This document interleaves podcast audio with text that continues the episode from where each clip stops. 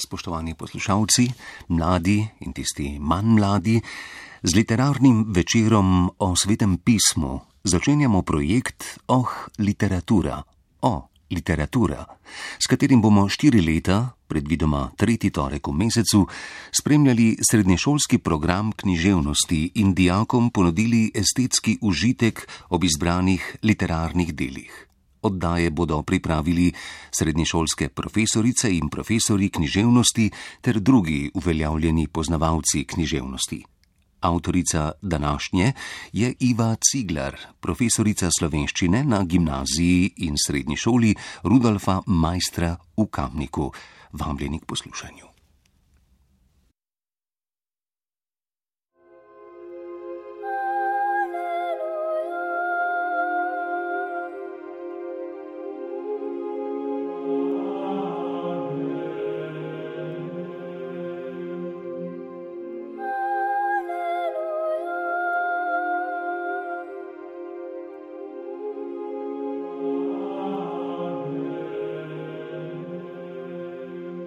Svetopismo ali Biblija, ta velika knjiga vseh knjig, je najbolj razširjena knjiga na svetu. Nastajala je približno 1100 let, od leta 1000 pred Kristusom do leta 100 po Kristusu, v pokrajinah ob vzhodnji obali Sredozemskega morja. Na podlagi ustne tradicije, s katero so verni ljudje svoje izročilo predajali sinovom, so zgodbe pozneje zapisali. Svetopismo je krščanska in delno judovska sveta knjiga, saj govori o zgodovini odrešenja in božjem razodetju. Za verne je to knjiga, ki je navdahnjena od Boga. Že zelo zgodaj so jo začeli prevajati, do konca 16. stoletja je bila prevedena v skoraj vse evropske jezike. Po zaslugi Jurija Dalmatina, ki jo je leta 1584 prevedel v slovenščino, smo se tako tudi slovenci zapisali v zgodovino kulturno razvitih narodov. Svetopismo pa je več kot samo verska knjiga. Besedila stare in nove zaveze bravca nagovarjajo tudi k razmišljanju o temeljnih etičnih vrednotah. Da, zgodbe so res zgodbe iz preteklosti, njihova simbolna govorica pa je govorica sedanjosti o nas samih in o času, v katerem živimo. Med najbolj prepoznavnimi svetopisamskimi besedili so prilike ali parabole. To so poučne zgodbe iz vsakdanjega življenja, ki nosijo globoko etično sporočilo. Najbolj znana je prilika o izgubljenem sinu, zgodba, ki jo je Jezus povedal svojim učencem kot odgovor na očitke judov, čež da se druži s prestopniki in izobčenci.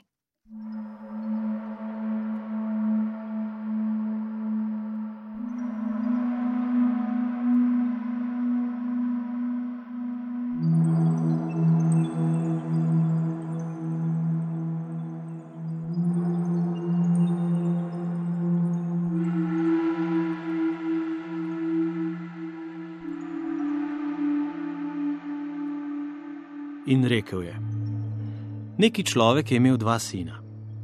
Mlajši med njima je rekel očetu: Oče, daj mi delež premoženja, ki mi pripada. In razdelil jim je imetje. Čez nekaj dni je mlajši sin spravil vse stvari skupaj in odpotoval v daljno deželo. Tam je z razuzdanim življenjem pognal svoje premoženje. Ko je vse zapravil, je v tisti deželi nastala huda lakota in začel je trpeti pomankanje šel je in se pridružil nekemu meščanu tiste dežele, ki ga je poslal na svoje posestvo past svinje. Želel se je nasititi z rožiči, ki so jih jedle svinje, pa mu jih ni nihče dal. Šel je vase in dejal: Koliko najemnikov mojega očeta ima kruha v obilju, jaz pa tukaj umiram od lakote.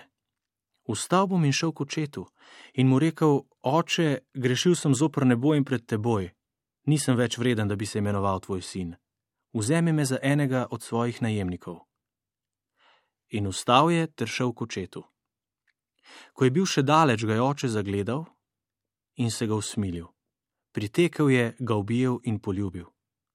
Sin mu je rekel: Oče, grešil sem zopr nebo in pred teboj, nisem več vreden, da bi se imenoval tvoj sin. Oče pa je naročil svojim služabnikom: Brž prinesite najboljše oblačilo in ga oblecite. Dajte mu prsta na roko in sandale na noge. Pripeljite pitano tele in ga zakolite, ter jejmo in se veselimo. Ta moj sin je bil namreč mrtev in je užival. Bil je izgubljen in je najden.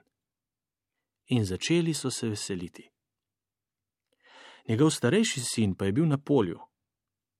Ko se je domov grede približal hiši, je zaslišal godbo in ples, poklical je enega izmed služabnikov in ga vprašal, kaj je to. Ta mu je rekel: Tvoj brat je prišel in oče je zaklal pitano tele, ker je dobil zdravega nazaj. Razjezil se je in ni hotel vstopiti. Njegov oče je prišel ven in ga pregovarjal. On pa je očetu odgovoril: Glej, toliko let ti služim in nikoli nisem prestopil tvojega ukaza, pa mi nisi še nikoli dal kozliča, da bi se poveselil s svojimi prijatelji. Ko pa je prišel ta tvoj sin, ki je z vlačugami uničil tvoje premoženje, si mu zaklal pitano tele. On pa je rekel: Otrok, ti si vedno pri meni. In vse, kar je moje, je tvoje. Poveseliti in vzradostiti pa se je bilo treba, ker je bil ta tvoj brat mrtev in je užival, ker je bil izgubljen in je najden.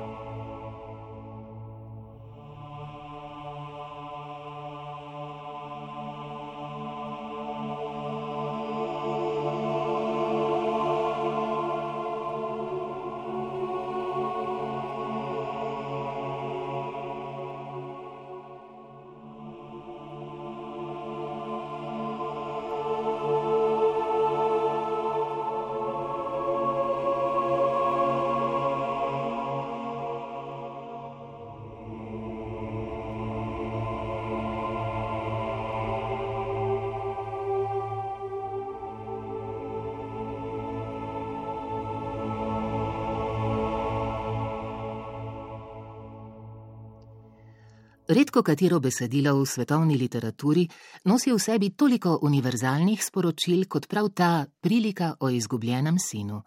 Zato ne preseneča, da je bila navdih številnim likovnim in literarnim umetnikom. In kaj nam sporoča? Zgodba govori o moči starševske ljubezni in odpuščanja. Oče je v svoji ljubezni zmožen odpustiti otroku, ki je zašel na stran pot, ne da bi se spraševal o vzrokih za njo. Sin je moral na poti do spoznanja prehoditi trnovo pot trpljenja in pomankanja. Toda prav to ga je notranje obogatilo in oplemenitilo, spoznal je vrednote, ki jih v navides srečnem, a plehkem svetu blagostanja ne bi mogel nikoli najti. Ključna misel zgodbe je: šel je vase. Kritično je torej presodil svoje ravnanje, spoznal napako in očeta iskreno prosil odpuščanja. In še nekaj, materialno bogatstvo je minljivo, trajno je tisto, ki ga nosimo v sebi.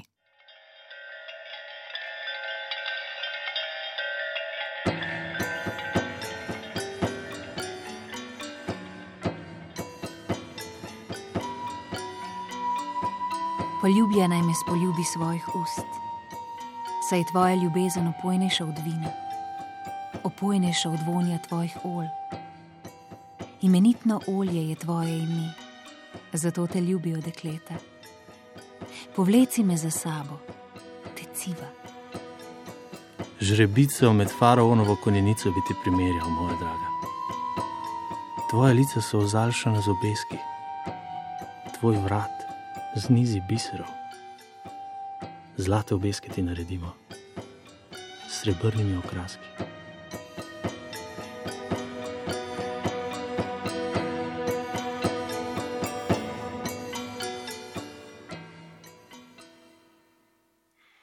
Neprekosljiv pesniški biser iz stare zaveze je visoka pesem, imenovana tudi pesem vseh pesmi. Po judovskem izročilu naj bi jo napisal kralj Salomon, ki je živel v desetem stoletju pred Kristusom. A še verjetnejša je domneva, da je to delo neznanega avtorja, ki je v premišljeno celoto povezal že obstoječe ljubezenske in svatovske pesmi. thank you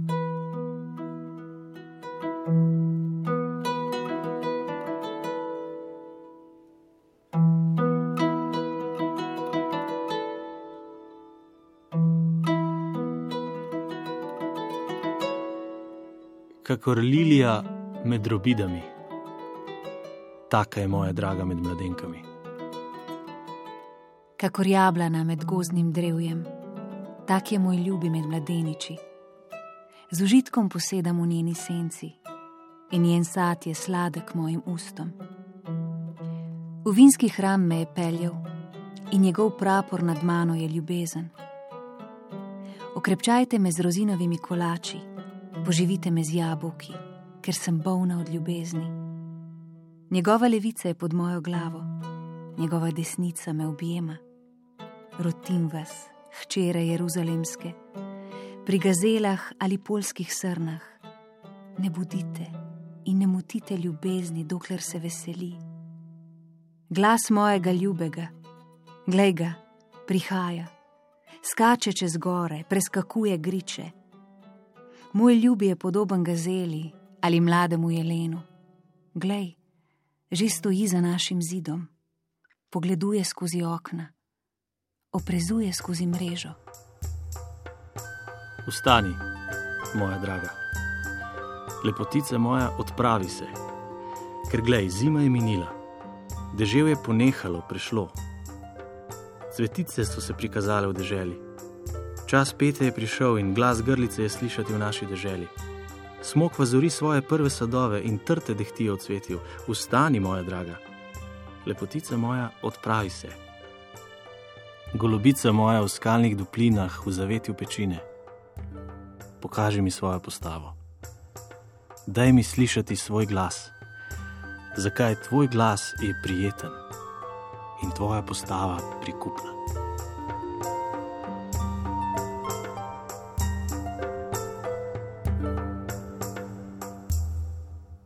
Visoka pesem je pesnitev o ljubezni, prvinski, iskreni, čutni, večni. Napisana je kot ljubezenski dvogovor med zaročencem in zaročenko, vmes pa se oglaša zbor mladenk, ki jih zaročenec in zaročenka nagovarjata kot hčire Jeruzalemske. Ta idilična drama naj bi opevala ljubezen med preprosto pastirico in pastirjem, ki je njen izvoljenec. Nekatere razlage pa domnevajo, da gre za dvogovor med kraljem Salomonom in preprostim kmečkim dekletom. Kakorkoli, pesnitev je izrazito lirična, saj temelji na izpovedovanju čustev, vendar iz drobcev ljubezenskih izpovedi lahko izluščimo celo zgodbo.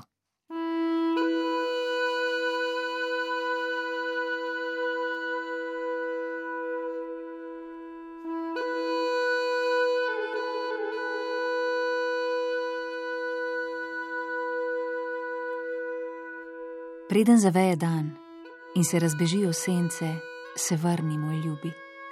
Budi podoben gazeli ali mlademu jelenu v razgrapanih gorah. Na svojem ležišču sem po noči iskala njega, ki ga ljubi moja duša. Iskala sem ga, pa ga nisem našla. Vstala bom in krožila po mestu, po ulicah in trgih. Iskala bom njega, ki ga ljubi moja duša. Iskala sem ga pa ga nisem našla. Našli so me čuvari, ki krožijo po mestu. Ste videli njega, ki ga ljubi moja duša? Komaj sem šla mimo njih, že sem našla njega, ki ga ljubi moja duša. Prijela sem ga in ga nisem spustila, dokler ga nisem pripeljala v hišo svoje matere, v izbo nje, ki me je spočela.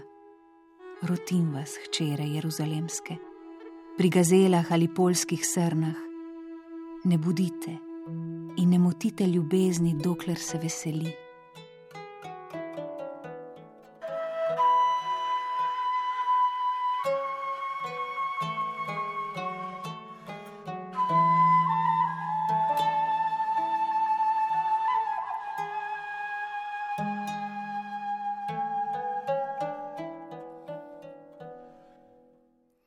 Visoka pesem je hvalnica čisti in iskreni ljubezni ter lepoti ljubljene osebe. Ta lepota in ljubezen pa sta najtesneje povezani z naravnim in kulturnim okoljem dežele, zato bogatstvo prispodob izhaja prav od tot. Tako kot je narava najvišje možno merilo pristne lepote, je ljubljeno bitje, ki sobiva s tem okoljem, njen neločljivi del. Zato je zaročenec podoben gazeli ali mlademu jelenu, Zato je zaročenkina lepota odblesk golobice v skalnih duplinah. Čeprav nazorne podobe živalskega in rastlinskega sveta kažejo na preprosto, najverjetneje pastirsko oziroma kmečko poreklo zaročencev, imajo kljub poudarjeni čutnosti izrazito duhovno noto. Doživljanje ljubezni je iskreno preprosto, a vzvišeno in plemenito. V očeh drug drugega je lepo njuno telo, še lepša njuna duša. Njuna lepota je pristna, kot je pristna samo narava. Zato je njun notranji in zunanji svet, svet lili, cipres, cedr, smokov, vinogradov, pašnikov, sadovnjakov in svet žrebic, golobov, kos, ovac.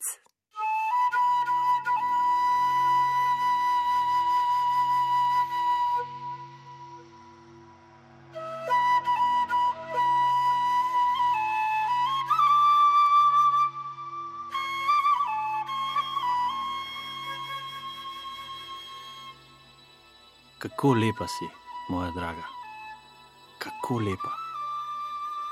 Tvoje oči so golobi za tvojo tenčico, tvoji lasje so kot čreda kos, ki se zgrinjajo z Gileadske gore.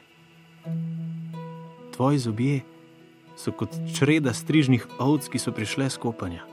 Vse imajo dvojčke, jalove ni med njimi. Kot škrlaten trak sta tvoji ustni tvoja usta so ljubka. Kot kos granatnega jabolka je tvoje srce za tvojo tenčico. Kakor Davidov stolp je tvoj vrat, se zidan v plasteh, tisoč zaslonov visi na njem, sami ščiti junako. Tvoji dojki sta kakor dva mladiča, gazeli na dvojčka, ki se paseta med lilijami preden zaveje dan in se razbežijo sence, pohitim k gori mire in k griču kadila. Vsa lepa si, moja draga, in madeža ni na tebi. Zdrami se sever, privrši jug, prepihaj moj vrt. Naj se cedijo njegove dišave. Moj ljubi naj pride v svoj vrt in uživa njegovo žlahtno sadje. Odprimi, moja sestra moja draga. Golobica moja, moja krasotica, kajti moja glava je polna rose, moji kodri nočnih kapljic. Moj ljubi je iztegnil roko skozi lino in srce mi je uskipelo zan. Vstala sem, da bi odprla svojemu ljubemu. Z rok mi je kapljala mira, s prstov topna mira, na držaj zapaha. Moj ljubi je žareč in rdeč, med deset tisoči opazen. Njegova glava je zlato, čisto zlato. Njegovi kodri so bujni, črni kot vran. Njegove oči so kot golobi ob potokih voda. Kopljajo se v mleku, počivajo v jamicah. Njegova lica so kot dišavne gredice, na katerih rastejo dišavna zelišča. Njegove ustnice so lilije, ki kapljajo tekočo miro. Njegove roke so zlati obročki, okrašeni z dragulji. Njegov život, gladka slonova kost, prekrita safiri. Lepa si, moja draga, kakor tirca, privlačna, kakor Jeruzalem, strašna, kakor vojska v zastavah. Obrni oči od mene, ker me vznemirjajo. Tvoji lasje so kot čreda kos, ki se zgrinjajo z Gileada. Tvoji zobje so kot čreda ovc, ki so prišle skopanja, vse imajo dvojčke in jalove ni med njimi. Kot kos granatnega jabolka je tvoje srce za tvojo tenčico. 60 kraljic, 80 stranskih žen in deklet brez števila, ena sama je moja golobica. Krasotica moja, edinka je svoji materi, ljubljenka svoji porodnici. Mladenke jo vidijo in blagrujejo, kraljice in stranske žene, in jo hvalijo, kdo je ta, ki se razgleduje kakor zora. Lepa, kakor luna, čista, kakor sonce, strašna, kakor vojska v zastavah. Šla sem dol v orehov vrt, pogledat zeleni v dolini, gledat ali že trta poganja ali granatovci cvetu. Nisem vedela, da me je moje srce naredilo za bojni voz mojemu krasnemu junaku.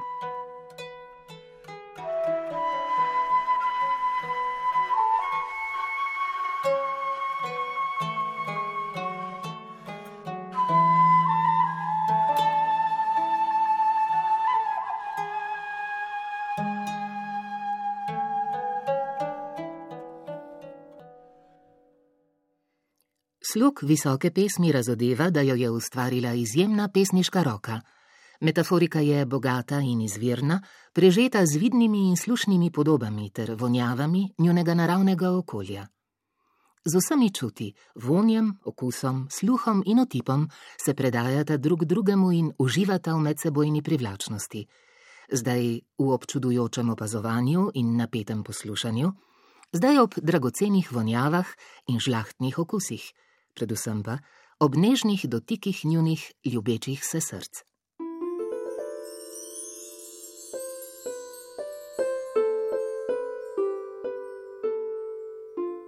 Kako lepe so tvoje noge v sandalah, kneže hči.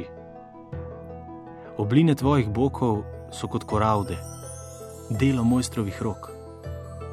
Tvoje naročje je vrčasta posoda, naj ne manjka odišavljenega vina tvoj trebuh je kup pšenice z lilijami obdan. Tvoji dojki sta kakor dva mladiča, gazeli na dvojčka, kako lepa si in kako zala ljubezen v radostih.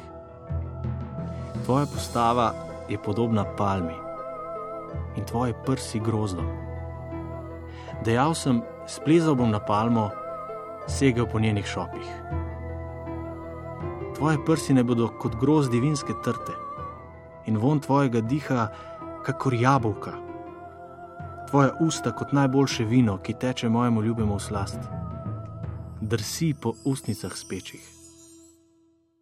Pridi, moj ljubi, pojdiva na deželo, prenočujva po veseh. Na vse zgodaj se odpraviva v inograde, videla bova ali že trta poganja, ali se cvetje razpira, ali granatovci cvetu tam ti bom podarila svojo ljubezen. Nadliščki dajo svoj von in pri naših vratih je samo žlahtno sadje, novo in staro, moj ljubi. Zate sem ga shranila. Njegova levica je pod mojo glavo, njegova desnica me objema. Rotim vas, hčere Jeruzalemske, ne budite in ne motite ljubezni, dokler se veseli. Deni me kot pečat na svoje srce, kot pečat na svoj laket.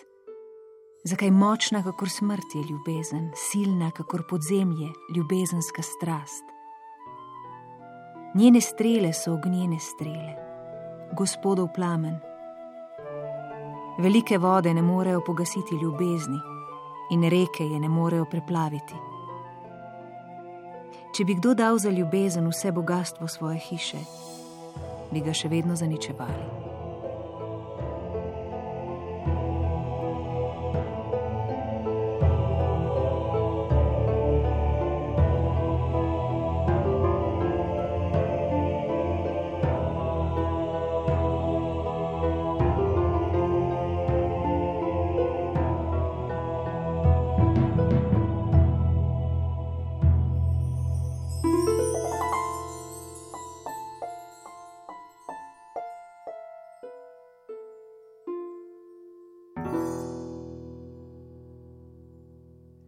Številne omembe dragocenih predmetov, zlata, cvetočih gajev, živih študencev, dragocenih dišav, kažejo na blagostanje, ki je bilo značilno za Salomonovo dobo, ko je dežela pod njegovim kraljevanjem doživljala razcvet in blaginjo. Visoka pesem je tako ne le hvalnica ljubezni in lepoti, ampak tudi prikaz zgodovinskih in družbenih okoliščin, v katerih je nastala.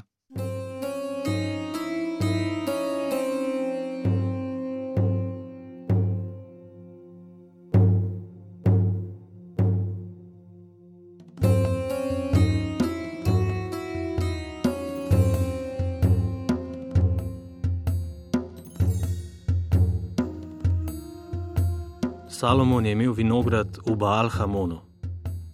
Vinograd je izročil varuhom. Vsak ne bi dajal za njegov sad po tisoč srebrnikov. Moj lastni vinograd je pred mano. Tistih tisoč ne bo zate, Salomon, in dvesto za varuhe njegovega sadu. Ti, ki bivaš v vrtovih, spremljevalci poslušajo tvoj glas, daj da ga slišim. Pohiti, moj ljubi, bodi podoben gazeli ali mlademu jelenu na balzamovih gorah.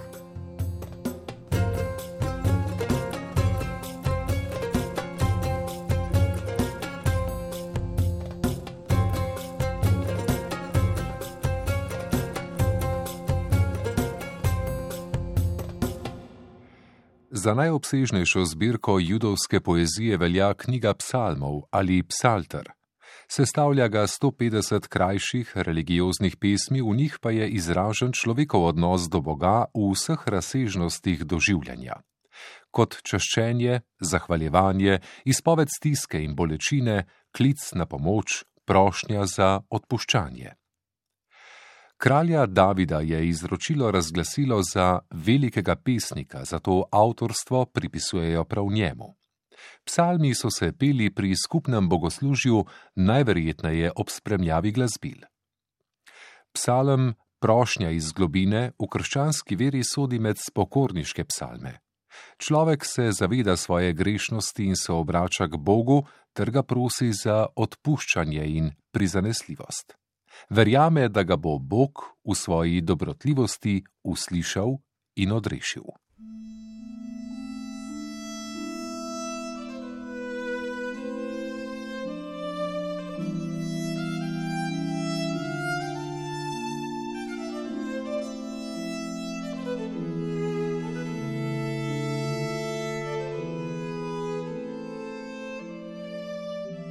Iz globočine kličem k tebi, o Gospod. Gospod, usliši moj glas. Tvoje ušesa naj bodo pozorna na glas moje prošnje. Če boš pozoren na krivde, o Gospod, Gospod, kdo bo mogel obstati? To, da s teboj je odpuščanje, da bi te strahoma spoštovali. Upam v Gospodu, moja duša upa, čakam na njegovo besedo. Moja duša čaka na Gospoda bolj, kakor stražarji na jutro, stražarji na jutro. Izrael, pričakuj Gospoda. Zakaj pri Gospodu je dobrota, pri njem je obilje rešitve? On bo rešil Izrael vseh njegovih krivd.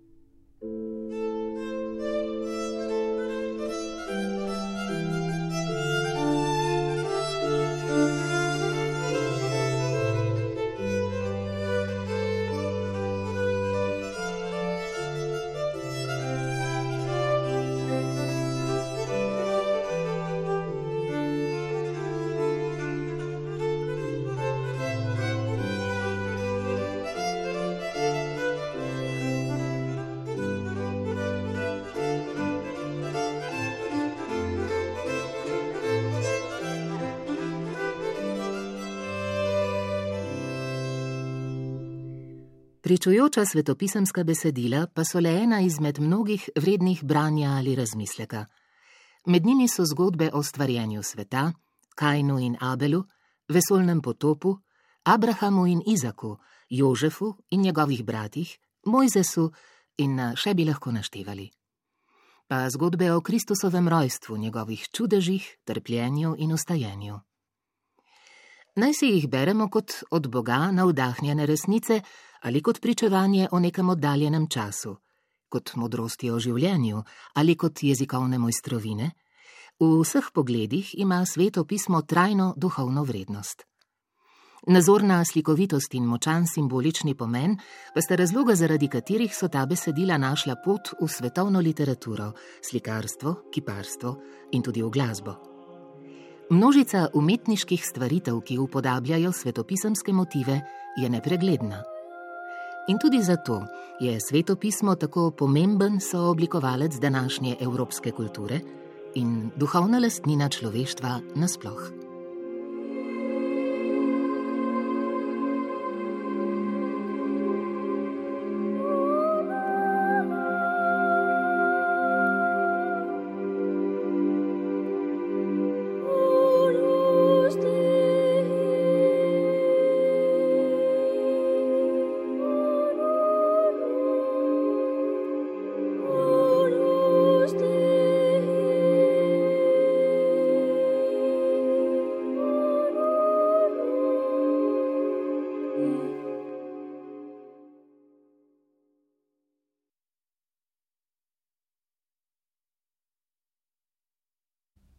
Poslušali ste literarni večer o svetem pismu iz sklopa Oh, literatura, o literatura. Pripravila ga je Iva Ciglar, profesorica slovenščine na gimnaziji in srednji šoli Rudolfa Majstra v Kamniku. Besedila izbrane iz slovenskega standardnega prevoda sta interpretirala igralca Tjaša Železnik in Jrnej Gašperin, povezovala pa sta jih Jasna Rodošek in Aleksandr Golja.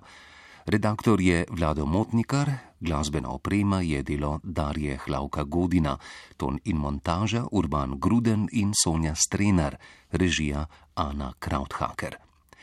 Naslednja oddaja iz sklopa Oh, literatura o literatura bo govorila o Sofoklejevi dramatiki, na sporedu bo 17. oktobra.